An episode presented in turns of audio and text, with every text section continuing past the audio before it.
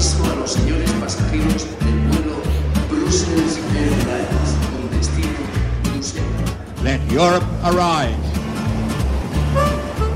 We love Europe. I love Europe anyway. I love it. De la merde. De la merde, de la merde. Du lytter til Kontinentet på Radio 4. Oh, ça oui, c'est du bon travail.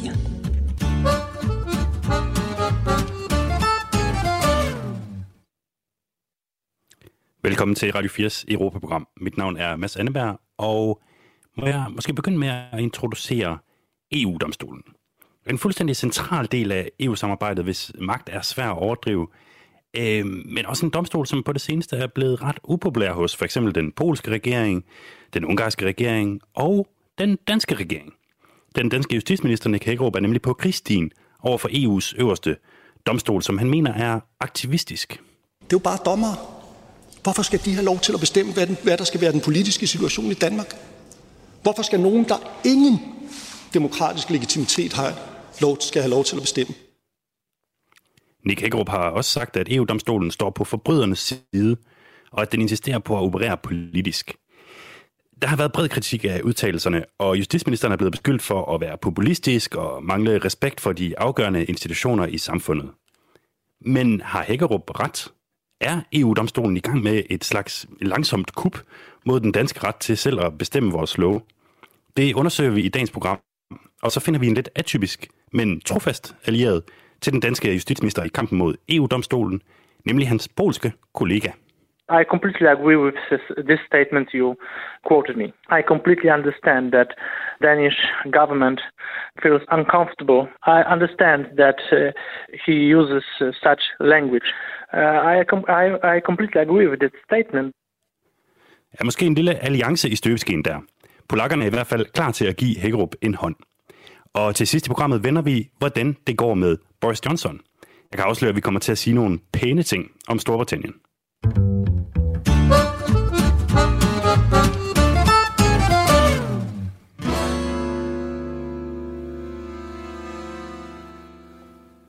Vi begynder historien her på et samråd, der blev holdt i Folketinget i sidste uge.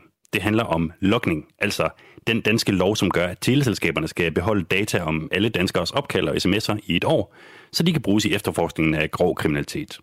Men det er ikke lovligt at gøre det faktisk, hvis man skal tro EU-domstolen. Det krænker nemlig privatlivets fred, hvilket domstolen, domstolen slog fast allerede i 2016 og igen i 2020. Og derfor skal Danmark altså have lavet en ny lov på området.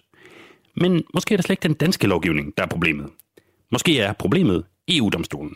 Det mener i hvert fald Nick Hækkerup. Og som jeg har redegjort før, øh, så er der solid dokumentation for, at, øh, at domstolen er aktivistisk, og derfor kan vi ikke øh, præcis vide, hvor det ender. Ja, justitsministeren siger altså, at der er solid dokumentation for, at EU-domstolen er aktivistisk. Og jeg tænkte, den dokumentation ville være et brandgodt sted at starte programmet. Så jeg bad i mandags om et interview med Nick Hækkerup, så han kunne forklare, hvilken dokumentation han har. Desværre så havde Nick Hækkerup ikke tid, sagde hans pressefolk. Han havde en meget travl kalender og skulle blandt andet til udlandet torsdag og fredag. Og I stedet for så skal vi senere i programmet høre fra den socialdemokratiske retsordfører Bjørn Brandenborg, for at forstå, hvorfor regeringen har set sig sur på EU-domstolen. Men jeg kunne godt tænke mig at have Nick Hækkerups dokumentation alligevel for, altså, at EU-domstolen er aktivistisk. Så den spurgte jeg om op til flere gange. Og der måtte øh, presseafdelingen i Justitsministeriet desværre melde pas. De havde ikke nogen liste eller noget dokument eller lignende, som de kunne sende. Og henviste i stedet til, at Nick Hækkerup jo helt sikkert ville kunne uddybe, men han havde så ikke tid til at stille op til interview. Så vi prøver i løbet af programmet at se, om vi kan finde den her solide dokumentation. Men allerførst, så skal vi simpelthen lige have på plads, hvad EU-domstolen er for en størrelse, og hvor meget magt den har, og om en ekspert vil give justitsministeren ret i sin kritik af den.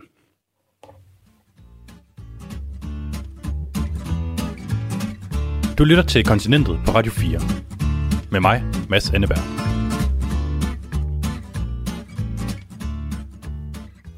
Min kollega Jeppe Retusted slog et smut forbi Københavns Universitet for at tale med Dorte Sindbjerg Martinsen. Jeg sidder her på øh, Dorte Sindbjerg Martinsens kontor på Københavns Universitet. Du er professor i øh, statskundskab, og øh, så har du undersøgt, øh, hvor meget indflydelse EU-domstolen øh, rent faktisk har.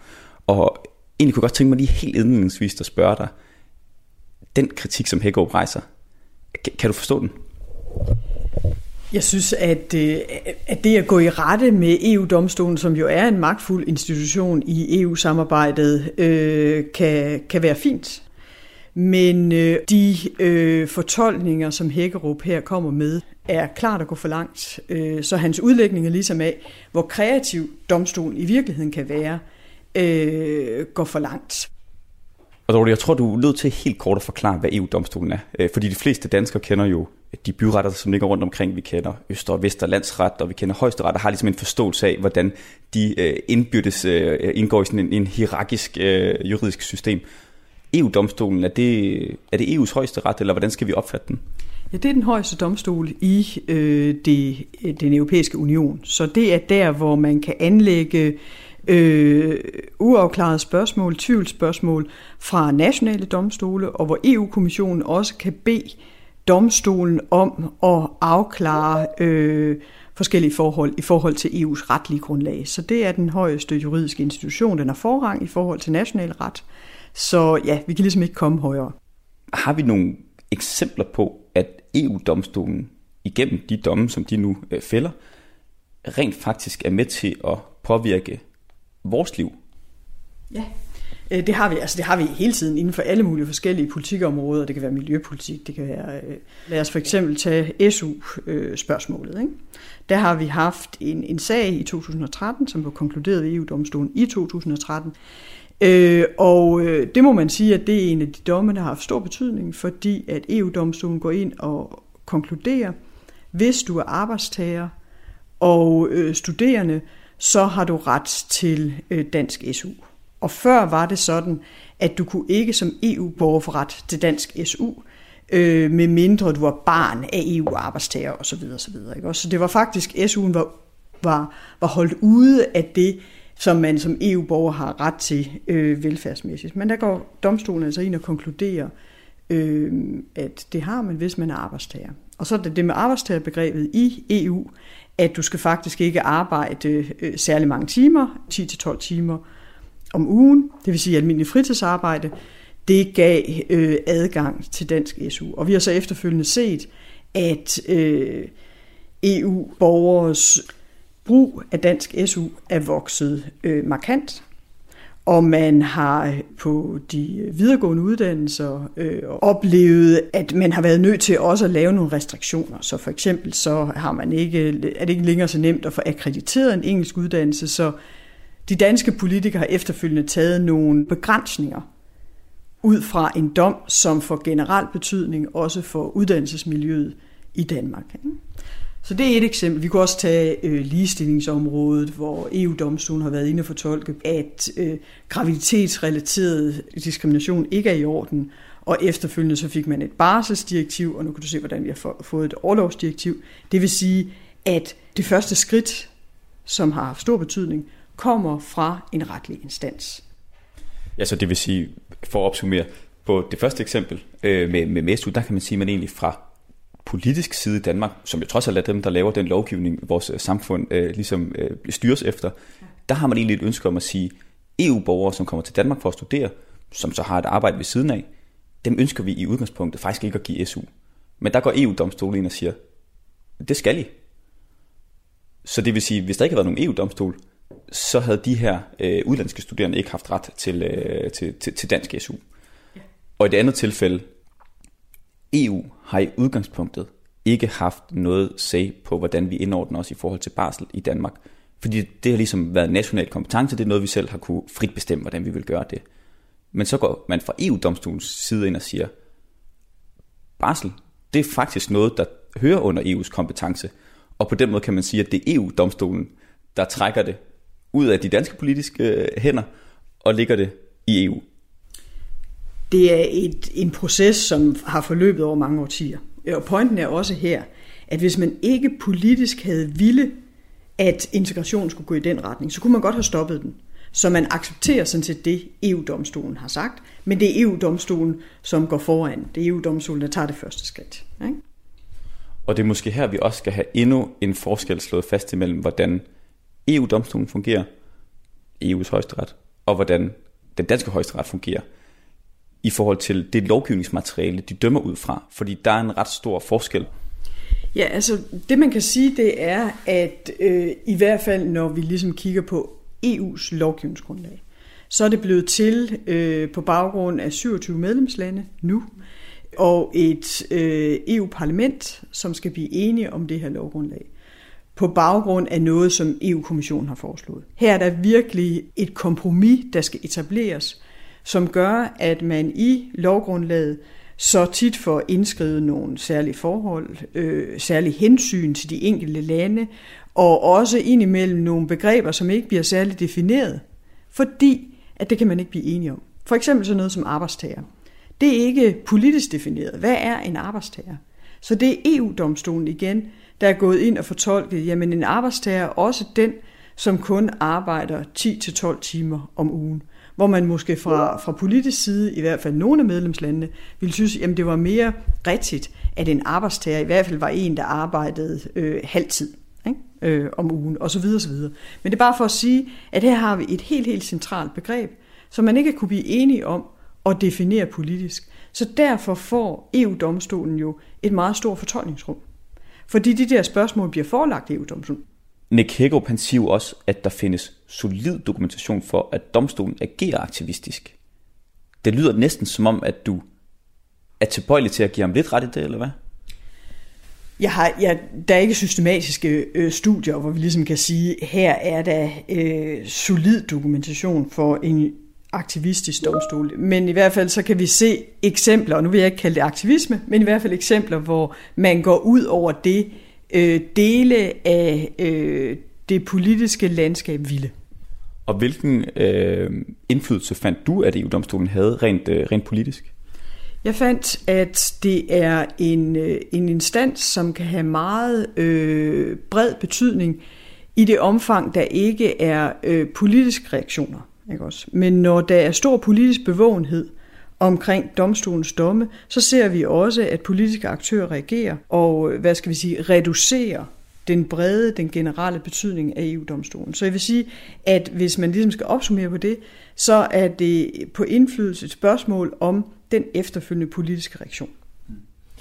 Kan du give et eksempel, hvor at indflydelsen har været stor, fordi vi ikke har set en politisk reaktion øh, efterfølgende?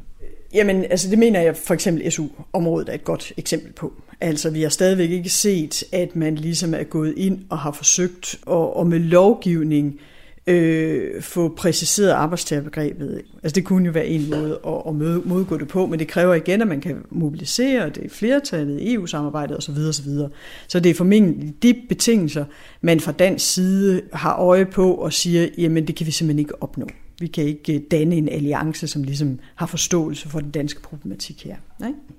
Men jeg kan også give det modsatte eksempel, også igen inden for mit eget område, hvor man kan sige, at den politiske reaktion øh, havde betydning for, hvor generel øh, en betydning domsafsigelse fik. Og det er jo på sundhedsområdet, hvor vi tilbage i slut 90'erne har en, en vidtgående øh, domstol, som siger, at sundhedsydelser også er tjenestydelser i traktatens forstand. Og det skabte stort ramaskrig på det tidspunkt, fordi fortolkningen ligesom var, jamen nu har vi gennem EU-domstolen fået etableret en sundhedsunion. Det betyder, at du og jeg som patienter kan gå ud og øh, få behandlinger i andre medlemslande, og så skal vores eget medlemsland efterfølgende betale for det. Og det vil underminere øh, offentlige sundhedssystemer osv. Man kan ikke længere øh, øh, kontrollere udgifterne, fordi folk de kan bare bevæge sig frit. Ikke?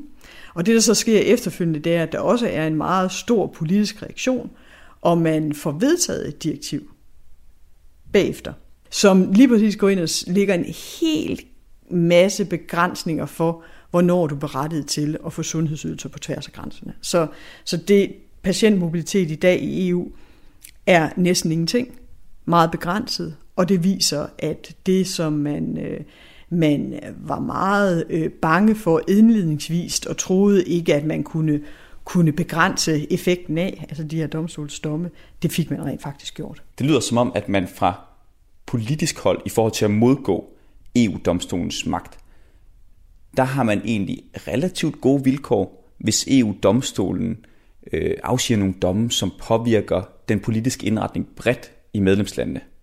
Fordi så kan man hurtigt få øh, samlet en koalition om at ligesom prøve at modgå øh, den her øh, nye politiske virkelighed, som EU-domstolens øh, dom nu engang øh, skaber. Som eksempelvis med, med, med Sundhedsunionen, som, øh, som, som du kaldte det.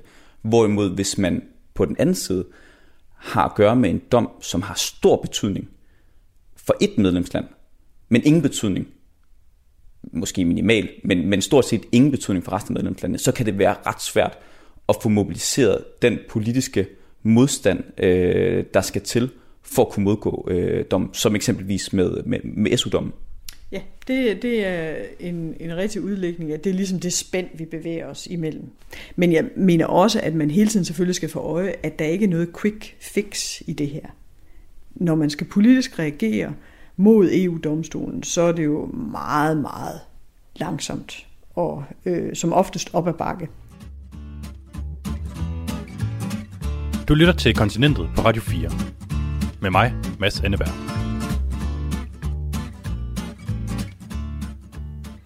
Og her var det altså min kollega Jeppe Ritz Husted, der havde været ude at tale med professor i statskundskab, Dorte Sindbjerg Martinsen, som er tilbøjelig til at give justitsministeren, at EU-domstolen nogle gange går ret langt, men at det nogle gange simpelthen handler om, at lovene er lidt uklare, fordi det er så øh, svært at blive enige i EU mellem alle medlemslandene.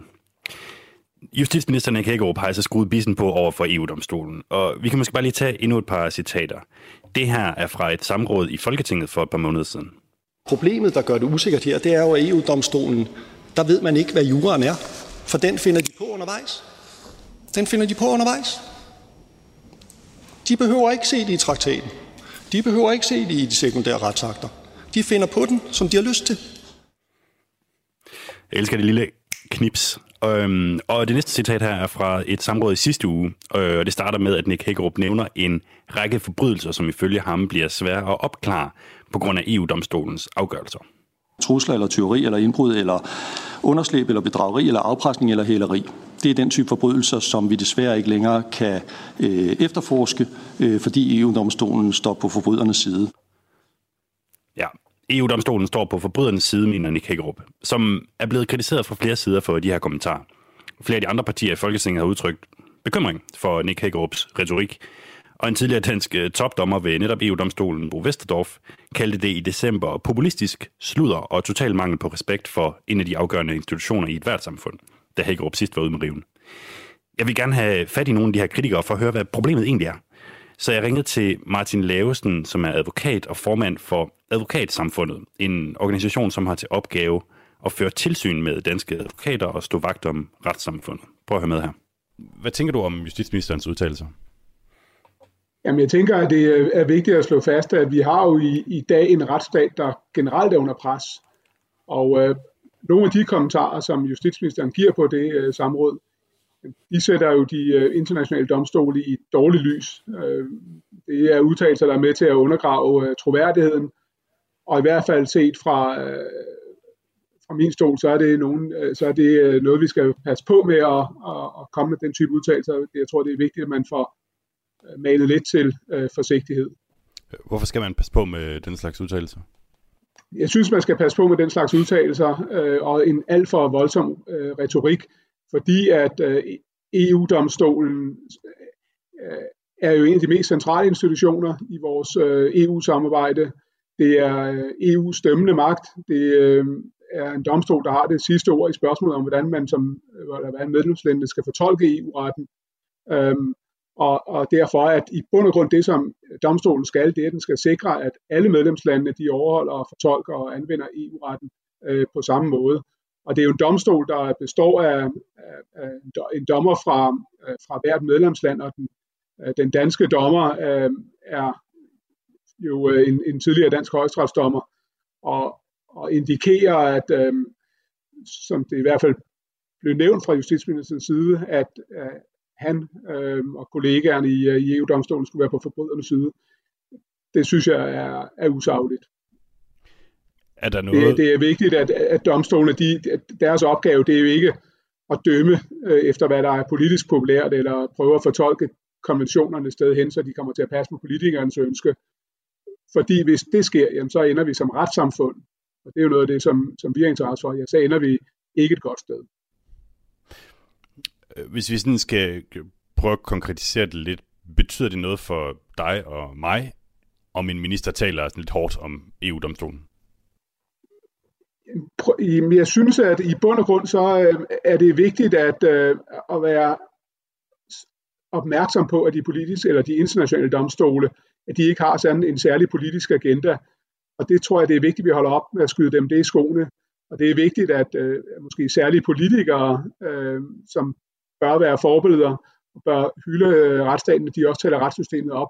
Fordi gør man ikke det, jamen, så kan det for, for den almindelige borger øh, komme til at have den modsatte effekt, at man egentlig øh, begynder at tvivle på domstolen, og derved kommer til at tvivle på retssystemet. Tager Nick Hagerup fejl, når han siger, at EU-domstolen er politisk og aktivistisk?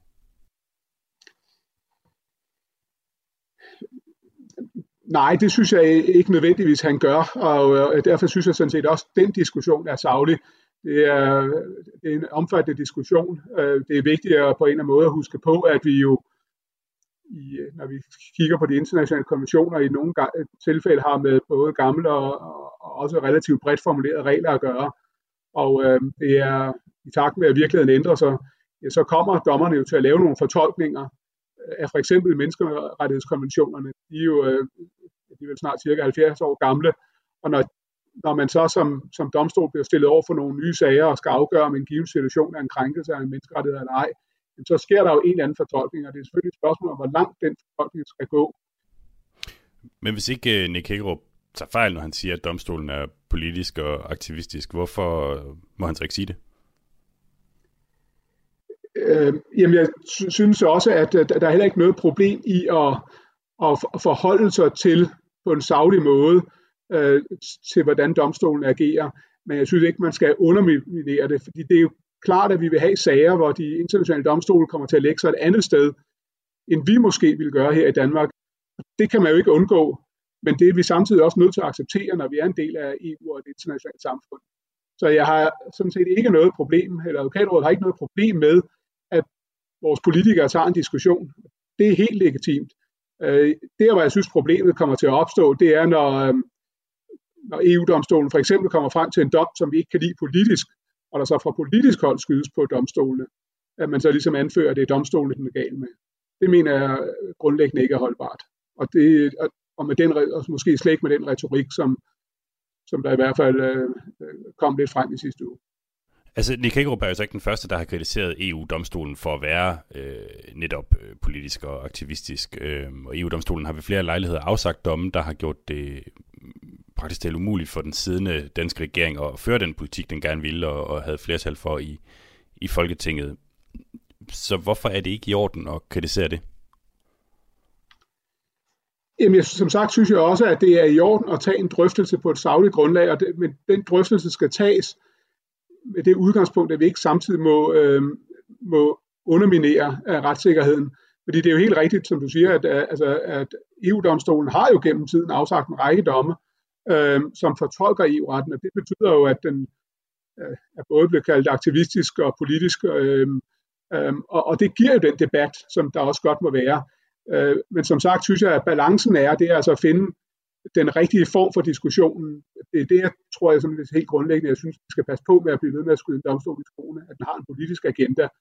Øhm, det er det, jeg mener. Det, det, det tror jeg ikke er tilfældet. Så hvis vi skal prøve at krystallisere det lidt, hvad er det så, Nick Hagerup har sagt, som du mener er overstregen? Jamen, jeg synes, den retorik, øh, der bliver brugt, og som jo også, når den bliver, bliver lagt ud i medierne, den synes jeg er med til at, at, at underminere hele domstolenes legitimitet. Øh, den tillid, der skal være til, øh, til domstolene. Så er det for eksempel sådan noget som at sige, at EU-domstolen står for, på forbrydens side? Det er, øh, ja, lige præcis. Det er et af de citater, hvor jeg synes, at man kommer til at bruge en sprogbrug, som, som, som i hvert fald kan, kan betyde, at man, øh, man kan stille spørgsmålstegn ved, om, øh, om domstolen er upartisk og uvildig, som jo alle domstolen skal være, fordi man med den sprogbrug vel tilkendegiver, at, øh, at der er en form for øh, partiskhed. Martin Lavesen, altså formand for advokatsamfundet.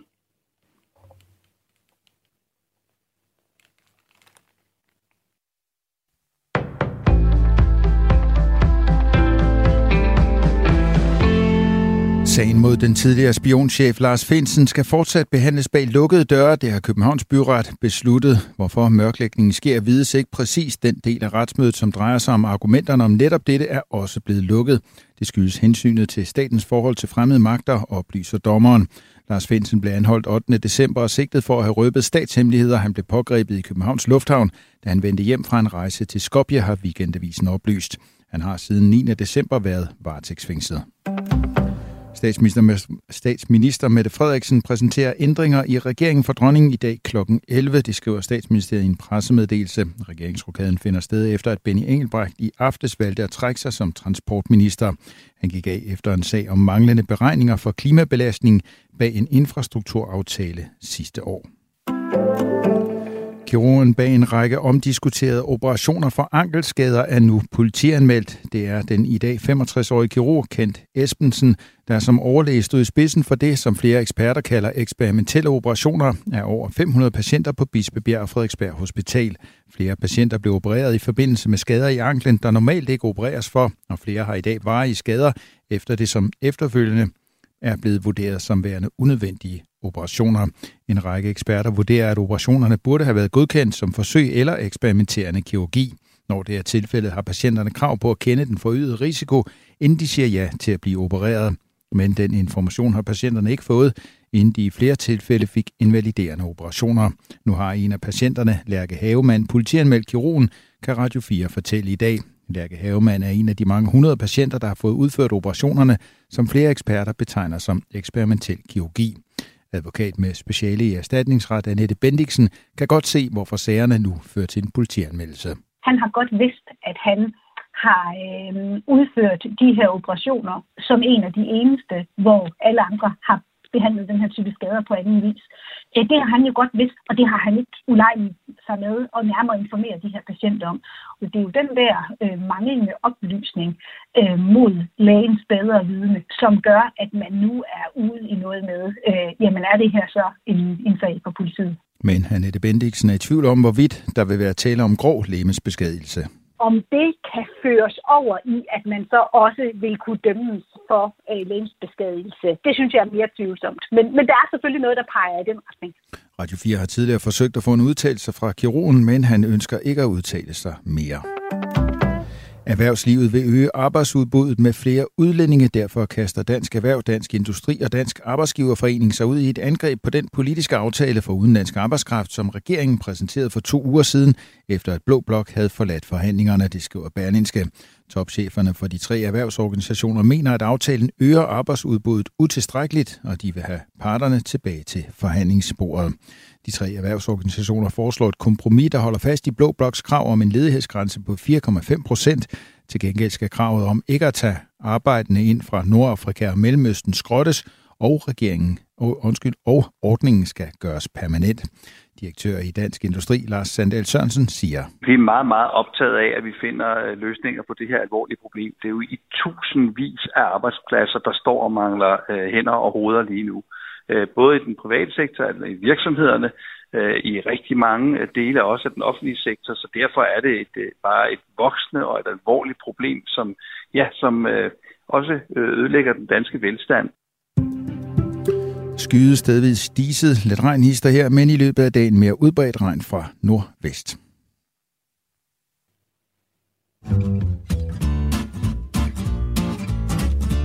Du lytter til Kontinentet på Radio 4. Med mig, Mads Anneberg.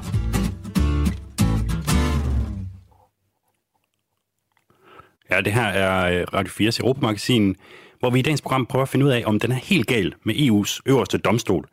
Den, der sjovt nok hedder EU-domstolen.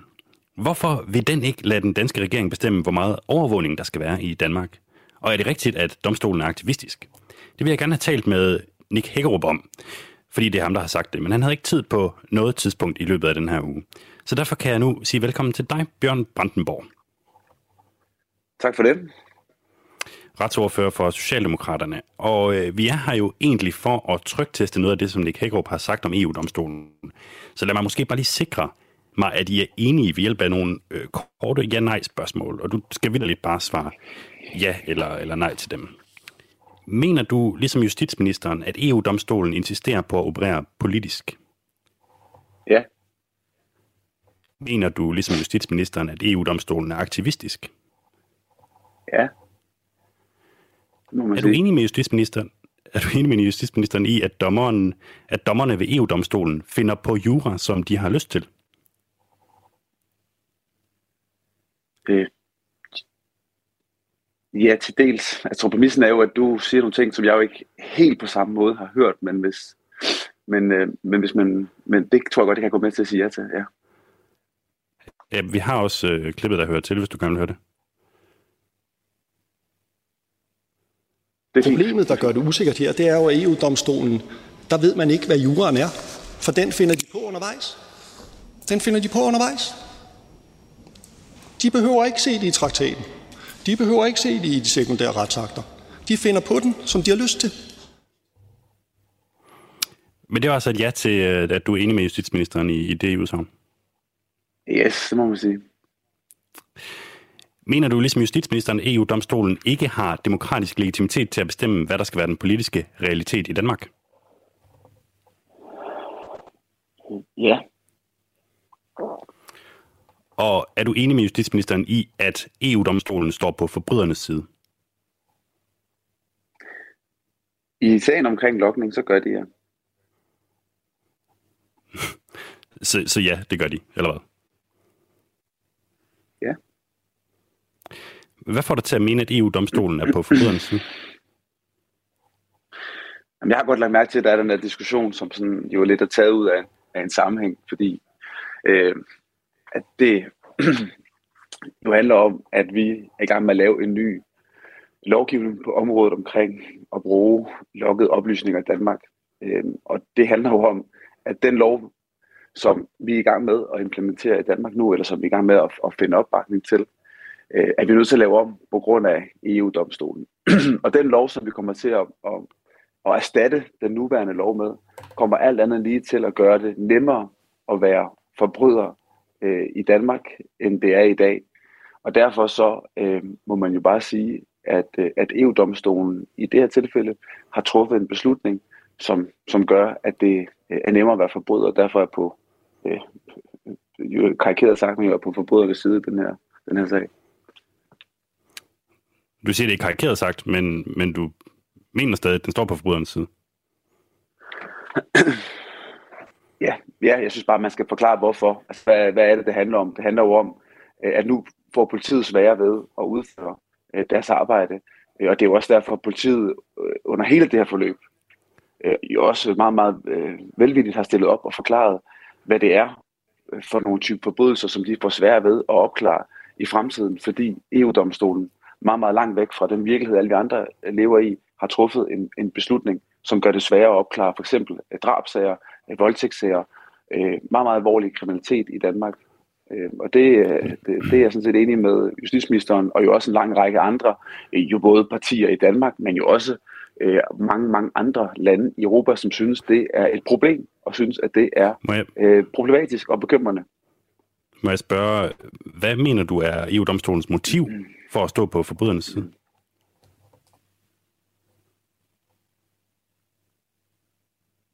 Jamen, men altså, øh, man må bare sige, at EU-domstolen har jo så en anden øh, øh, tolkning af, hvad der skal være muligt for vores myndigheder i forhold til at tilgå øh, lukkede oplysninger. Og øh, jeg, jeg synes, at man øh, i den kritik, der har været, øh, det bliver meget, øh, jeg synes, det bliver meget, det bliver sådan mange akademiske diskussioner. Det gør det jo tit, når det handler om, om EU-domstolen, det ved du godt. Øh, og på det her område. Men, men når det kommer til stykket, så handler det jo om mulighed for at opklare kriminalitet, eller ikke opklare kriminalitet. Og i virkeligheden så synes jeg jo, at, øh, at man forsøger at gøre det her til en diskussion, som om, at det er et modsætningsforhold mod at bekæmpe øh, kriminalitet og mod at have grundlæggende menneskerettigheder, som om det er modsætninger, der ikke kan forenes. Men i virkeligheden så handler det her jo om politiets muligheder for at kunne opklare forbrydelser, sådan så retfærdigheden for almindelige mennesker kan ske fyldest, og sådan så folk de kan leve øh, frie øh, liv med grundlæggende menneskerettigheder i vores land. Bjørn Brandenborg, jeg tror jeg lige er nødt til at spørge dig en gang til. Hvad mener du er EU-domstolens motiv for at stå på forbrydernes side? Jeg synes, jeg prøvede at svare på det. Hvad får EU-domstolen ud af at stå på forbrydernes side? Men det her er jo fordi, øh, øh, altså jeg gider, ikke, jeg gider ikke sige det samme en gang til, øh, men, men altså EU-domstolen øh, har jo forskellige tolkninger af alt muligt andet. Det er jo på samme måde som, når EU-domstolen øh, blander sig i øh, arbejdstagerrettigheder, eller blander sig i øh, SU-spørgsmål, eller sådan noget. Altså, øh, der er jo det er jo forskellige tolkninger, og det er jo fordi, det er EU-domstolen er dynamisk, altså som jo betyder, at den, det er ikke sådan noget med, at du kan slå op og så vide, hvad det er for nogle beslutninger, EU-domstolen træffer, og det er også derfor, at den er politisk. Øh, og juraen er heller ikke noget, der er en statisk størrelse. Det er også noget, der er, der er dynamisk. Så sådan, hvad det enkelte medlem i EU-domstolen har af grunden, det, det, det ved jeg sgu ikke. Men altså, øh, øh, men min opgave er sådan set også at prøve at forklare, hvorfor det er et problem, den beslutning, de træffer, i hvert fald i forhold til dansk lovgivning. Men man kan sige, altså, øhm, Danmark og danske politikere, vi er jo sådan set, øhm, man kan jo sagtens være uenig i domstolens afgørelse, og så stadigvæk være for, at EU-retten skal overholdes, og også følge det, og det er jo det, vi gør i Danmark. Men jeg synes, det er lidt noget pjat, hvis vi ikke vi kan diskutere øh, de afgørelser, som EU-domstolen træffer, eller synes, at de afgørelser, vi træffer, er forkerte. Altså, fordi Danmark er det aller, hvis ikke det stærkeste, i hvert fald et af de allerstærkeste retssamfund i hele verden. Øh, og selvfølgelig... Det kan vi simpelthen også, også øh, sagtens... Og selvfølgelig skal vi problematisere det. Hmm. Ja, øhm, bare sådan et tænkt eksempel. Altså hvis nu en, øh, en, en mand begår et, et mor, og han så bliver frikendt i en, en dansk øh, domstol, fordi der ikke er beviser nok, eller hvad ved jeg, er, er domstolen så også på forbryderens side? Nej, men, men prøv at høre, vi, vi følger jo også øh, domstolens afgørelse. Altså det er jo ikke sådan, at vi i Danmark siger, øh, EU-domstolen træffer en beslutning, som vi er uenige i, øh, og nu øh, gider vi ikke øh, følge den afgørelse mere. Sådan fungerer det jo ikke i et retssamfund, og derfor så retter vi os også efter den afgørelse, øh, som der kommer øh, øh, for EU-domstolen. Det er ikke noget, vi gør, fordi vi har lyst, men det gør vi, fordi øh, øh, vi skal. Og derfor så laver vi jo så nye regler, hvor vi så med de regler øh, gør alt, hvad vi kan, for at de ligger os så langt op af, af det gamle, som så er inden for, for domstolen. Så vi følger jo stadigvæk øh, de regler, som, som der er i, i EU-domstolen. Øh, men, men derfor, uh. jeg tror bare, man skal, man skal passe på i de diskussioner med, at, at man ikke skal have mulighed for at kunne problematisere de afgørelser, som, som der bliver truffet, eller lave det som om Men, det sådan, det, det, det kan man være, også godt, det er, derfor, at, det er derfor, jeg spørger dig til det. Mm, det kan være, at vi skal gå videre. Altså, du var inde på det her også med, at dommerne ved EU-domstolen finder på jura, som de har lyst til. Hvad betyder det? Det, det betyder jo, at der er nogle afgørelser, øh, som bliver truffet, hvor der jo ikke ligger en tidligere praksis for det. Altså hvor der ikke er, øh, der er ikke et eller andet, de slår op i. Der bliver, trukket, der bliver truffet afgørelser, og der bliver besluttet nogle øh, principper af EU-domstolen, som der ikke har været før. Og efter de principper er truffet, så bliver det så øh, gældende øh, lovgivning. Øh, og det gør de, som de har lyst til? EU-staterne.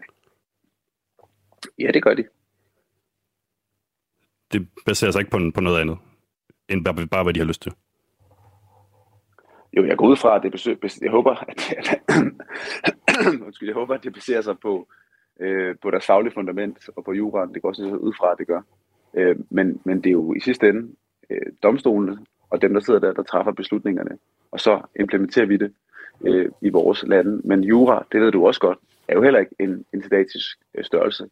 Øh, det, det er flydende. Og det, der har været, det, der har været øh, diskussion her har jo også været, at, øh, at, at, jeg synes også, som der er blevet sagt af andre, blandt andet af ministeren, at det, det er et godt udgangspunkt, øh, at det er politikere, som har politisk legitimitet, som har et mandat af folket i ryggen, som udstikker politiske retninger og træffer, bes, politiske beslutninger. Øh, og domstolene og dommerne, så er nogen, der træffer juridiske afgørelser. Og der er, der er EU-domstolen jo også bare lidt en anden størrelse, fordi den, med det, jeg lige sagde før, med nogle principper, øh, er med til at, øh, at, at præge nogle politiske problemstillinger i en retning. Hmm.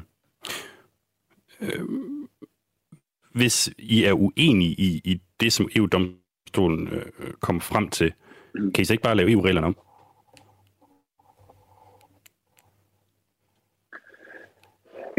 Øh, altså, nej, vi kan jo ikke... Øh, den her afgørelse kan, kan vi jo ikke, kan vi ikke lave om. Øh, I kan ikke lave afgørelsen om, men I kan jo lave gør, som politikere. Det, jamen, det vi gør i Danmark, vi gør da alt, hvad vi overhovedet kan for øh, at præge muligheder, staters muligheder for øh, at bruge lukkede oplysninger til at bekæmpe alvorlig kriminalitet, til at opklare modbydelige forbrydelser, fordi det er et meget, meget vigtigt redskab for vores politi. og det gør vi da alt, hvad vi kan for at præge vores, øh, vores kolleger i, i Europaparlamentet og i, og i EU til, til at mene. Og jeg vil også bare lige minde om, at, at det her det er jo ikke noget, det er jo ikke en dansk diskussion, der, der, har, der har fundet på det her. Altså der foregår lignende diskussioner i en lang række andre europæiske lande, som også synes, at det er et problem, øh, at deres politi ikke længere har mulighed for at bruge lukkede oplysninger til at opklare øh, kriminalitet, fordi det gør det nemmere at være forbryder i en lang række europæiske lande. Og så er der jo også en lang række, så, så er der også en lang række øhm, øh, juridiske eksperter, som jo også problematiserer øhm, øhm, øh, men, domstolen men det, for det er at være som... Øh, aktivistisk. Hmm. Okay, det er altså meget godt, og, og det er jo også, altså vi, vi kan jo sagtens diskutere det her, og, og det jeg bare spørger til her, det er jo, altså, domstolen dømmer ud for de lov, de har at gøre med, og politikerne øh, laver reglerne. Øhm, hvad hedder det? Bjørn Brandenborg, altså retsordfører for Socialdemokraterne. Nu skal det jo ikke blive negativt, øh, det hele. Vi, øh, vi ringede faktisk til nogen, som er fuldstændig enige med dig og justitsministeren. Det er den øh, polske vicejustitsminister, Sebastian Kaleta. Og vi bad ham forholde sig til Nick Hækkerups udtalelse om, at EU-domstolen er politisk og aktivistisk og mangler demokratisk legitimitet. Prøv at høre med her. Uh, I, I, I completely agree with that statement because the role of courts is to check if this law is used correctly, not to create new law. And uh, we see that ECJ uh, is trying to create law uh, above the heads of uh, member states without granted competences. I completely understand that Danish government feels uncomfortable with uh, tighted hands. Den polske vicejustitsminister er fuldstændig enig i de her udsagn fra Nick Hækkerup, fordi EU-domstolens rolle er at tjekke, om loven anvendes korrekt, og ikke at finde på nye love. Bjørn Brandenborg, retsordfører for Socialdemokraterne. Det er da dejligt, at der er nogen, der, der forstår jer. Er det ikke det? Jo, altså, øh, og øh, øh, stiller sig jo i en række sammen med blandt andet øh, vores svenske naboer, øh, med Tyskland, med Holland, øh, med en række professorer i Tyskland, øh, med den franske forfatningsdomstol. Altså der er mange andre, der sammen med øh, den polske øh, minister her synes, at det er et problem.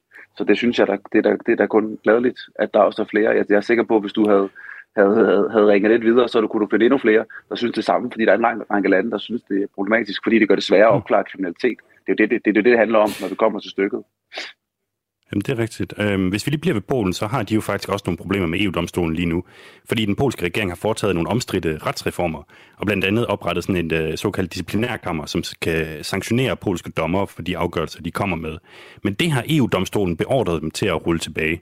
Lad os lige prøve at høre den polske øh, vicejustitsminister.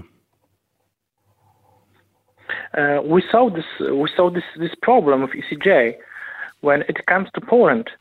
Under alleg- allegation of breaching rule of law.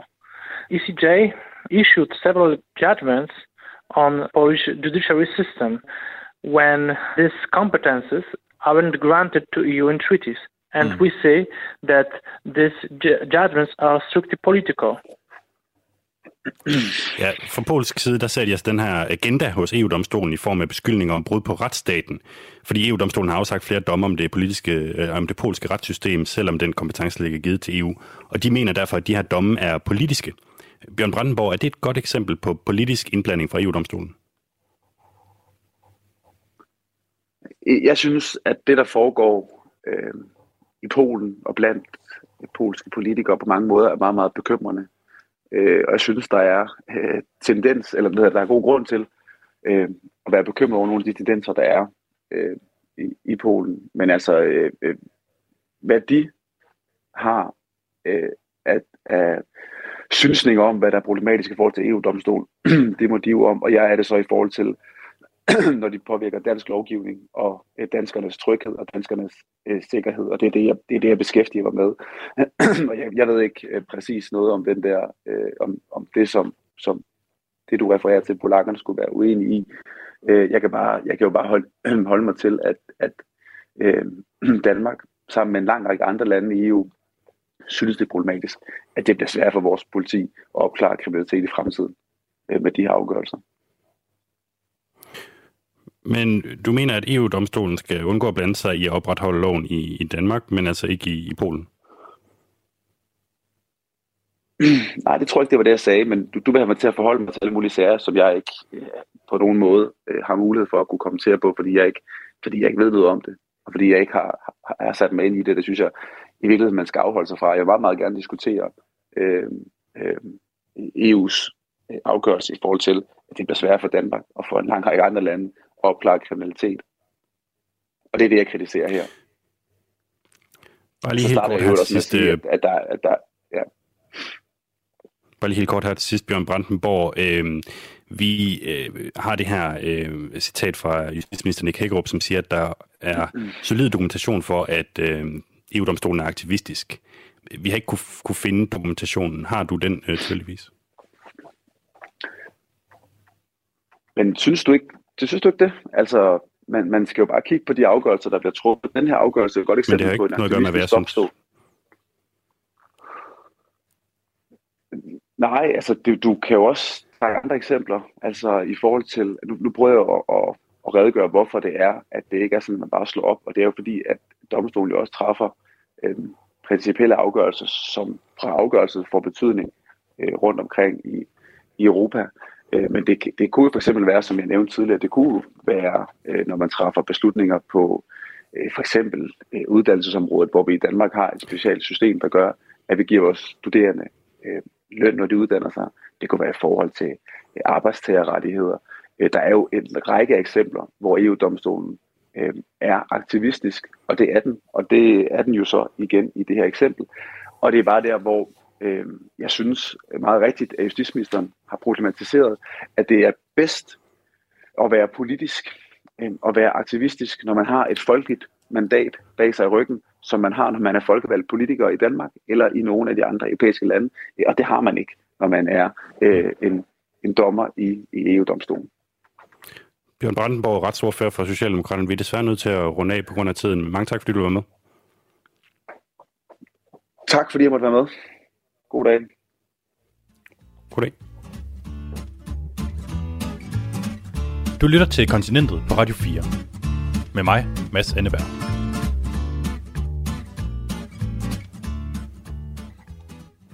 Ja, det var så langt, øh, det var så at vi kom på den øh, dokumentation. Nu skal det dreje sig om noget helt andet. Fordi i sidste uge, der handlede vores program om Boris Johnsons kvaler i Storbritannien. Det kan man skynde sig ind og lytte til, hvis man vil have en masse spændende baggrundsviden om den sag, hvis du søger på Kontinentet Radio 4, der hvor du finder dine podcasts. Men altså kort fortalt, så er den britiske premierminister i strid modvind på grund af en stribe ulovlige fester eller sammenkomster, som er blevet holdt på hans adresse, og i nogle tilfælde med ham selv som gæst, og det er altså, mens at britterne var pålagt meget strenge lockdown-regler af selvsamme Boris Johnson. Jakob Illeborg, velkommen til programmet igen. Tak skal du have. International korrespondent for BT og en af mine gæster i sidste uge. Og øh, før vi skal overhovedet øh, beskæftige os med Boris Johnson, så er der lige et lille hængeparti, fordi vi fik nemlig et par sms'er på baggrund af det her program, hvor nogen var utilfredse med, at vi simpelthen var for kritiske over for Storbritannien. Der var en lytter, øh, desværre ikke med noget navn, som skrev, hvor er det trist og uværdigt, at både vært og gæster er så negative over for UK. Jeg har bestemt mig for, at vi skal begynde med at sige noget godt om Storbritannien. Jakob, du begynder. Prøv at høre, jeg har, jeg har boet og opholdt mig i Storbritannien i 20 år, og, og holder meget af både britterne og deres samfund og af deres demokrati. Og hvis vi øh, er kritiske over for for Storbritannien, så er vi det netop fordi, vi holder meget af det, fordi der er meget at holde af. Men det betyder jo ikke, at man ikke kan gå galt i byen, øh, og det er det, der er tilfældet, når kritikken kommer omkring Boris Johnson. Så er det netop, at man frygter, at folk, der misbruger øh, det fremragende demokratiske system i Storbritannien, kan øh, gøre skidt ved et ellers øh, glimrende land, som, øh, som jeg som sagt har valgt at bruge en stor del af mit liv på at bo i og jeg vil gerne have lov at følge op og så sige, øh, at jeg synes, britterne er både sjove og omgængelige. Det er i hvert fald øh, tilfældet med langt de fleste, jeg har mødt i både England, Skotland, øh, Wales og Nordirland. Og øh, man kan sige lige i øjeblikket får de lidt pis for det her, øh, den her strategi, de har, der hedder Global Britain, som er deres øh, strategi efter Brexit. Men Storbritannien har jo netop sådan en vanvittigt global rækkevidde, og alle kender britisk musik og britiske bøger, og jeg skal komme efter dig. Så øh, der er masser af gode ting at sige om Storbritannien, og det kan vi altid fortsætte en anden gang. Øh, Jakob Illeborg, nu, øh, nu til sagen. I mandags, der kom den her famøse Sue Gray-rapport, som skulle fastslå, hvor galt det egentlig var, det som var foregået i premierministerens resident i Downing Street. Hvad hæftede du der ved øh, i den rapport? Jeg hæftede mig ved, at på trods af, at den var relativt kort, den var kun 12 sider lang, så var den alligevel mere detaljeret, end vi havde regnet med, og mere fordømmende. Øh, der blev ikke decideret nævnt navne, men der blev sagt, at ledelsen havde svigtet både i forhold til den opgave, de var pålagt, og i forhold til det britiske øh, folk, og at der var brug for forandring nu. Øh, så det var en mere direkte Sue Gray-rapport, end mange havde forventet, og den skabte også som ventet røre i vandene. Mm. Og øhm, det, der skete, det var, at Boris Johnson gik direkte ned i parlamentet og sagde sådan her. Firstly, I want to say sorry. And I'm sorry for the things we simply didn't get right, and also sorry for the way that this matter has been handled. Undskyld, sagde Boris Johnson, og det hele udviklede sig mm. til noget af et uh, drama i det britiske parlament. Blandt andet så sagde Johnsons partifælle og den tidligere britiske premierminister Theresa May sådan her. So either my right honourable friend had not read the rules, or didn't understand what they meant and others around him, or they didn't think the rules applied to number 10. Which was it?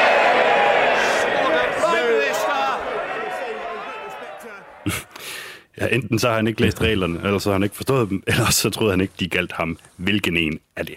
Et sydende kritik fra et medlem af hans eget parti. Og øh, sent mm. som i går, Jakob Billeborg, så var der fire af Boris Johnsons topfolk, der sagde op her under hans stabschef og politiske rådgiver. Mm, I sidste uge, der var din analyse jo, at Boris Johnson var et såret politisk dyr. Står han stærkere eller svagere nu, end han gjorde for en uge siden? Han står sværere, faktisk. Øh, og, og han står sværere, fordi at, at hver gang han ser ud, som om han har reddet vinden af, så kommer der nye problemer til. Øh, som sagt, der var fire, der gik i går torsdag. I dag fredag er der mindst en, der er gået allerede. Og man skal selvfølgelig lige tage det her med et grænsalt, fordi en del af det, man forventede i i omkring Downing Street, det var, at der ville blive ryddet op også i staben, altså at der ville være nogen, der ville blive fyret for sit liv. Men for eksempel, at Munira Mirza, som er hans øh, øh policy chief og har været det i 14 år, gik i går øh, og begrundede det med Boris Johnsons egen karakter. Øh, det, det handlede om en sag, hvor øh, han havde beskyldt Keir Starmer for, da han var statsanklager, for ikke øh, at få... Øh, anklagede øh, Jimmy Savile, der var en pædofil tv-stjerne, øh, i sit embede, og det var, det var for at sige det lige ud, sludder og vrøvl, og lidt Trump-agtigt øh, måde at gøre det på. Og det sagde hun og flere andre omkring hende, den slags parti er vi ikke, den slags mennesker er vi ikke, det kan vi ikke siddende på os. Og så valgte hun at tage sit gode tøj og gå. Det er der altså flere andre, der har gjort. Og det vil sige, at angrebene kommer, jeg tror netop også, jeg sagde sidst, at, at Boris Johnsons øh, skæbne godt kan blive øh, døden ved tusind knivstik, for nu at sige det malerisk. Altså mm. det, at der kommer en masse stik mange steder fra, og stille og roligt så forbløder øh, øh, Boris Johnson politisk. Og det ser meget ud, som om det er det, vi er ved at se. Jeg, jeg, jeg, jeg tror ikke længere øh, på, på, at han på sigt kan redde stormen af. Det kan godt være, at han ikke går nu, det kan godt være, at han ikke går i næste uge, men, men, men jeg tror, han er for såret et dyr til at kunne overleve på sigt. Og det, det afgørende moment bliver det så, øh, når den her politiundersøgelse ligesom øh, kommer frem til et resultat, tror du bare lige ganske kort? Det vil, det vil det sagtens kunne blive. Hvis det ikke bliver det, så bliver det, når de får nogle ordentlige hug til lokalvalg til foråret, og så kan det være, han ryger der. Jakob Illeborg, du skal have mange tak, fordi du vil være med i Kontinentet på Radio 4. Selv tak. Ja, Boris Johnsons øh, skæbne er altså øh, stadig, øh, hvad kan man sige, en lille smule usikker i øh, Storbritannien. Og øh, der er en politi, øh, hvad skal man sige, undersøgelse i, i gang af nogle af de her fester, hvilket så også gjorde, at, øh, at den rapport, der kom mandags, ikke var helt så detaljeret, som den ellers kunne have været. Vi øh, følger sagen her på kontinentet på Radio 4, som er produceret af Jeppe Retshusted og mig, Mads Anneberg. Vi høres ved i næste uge.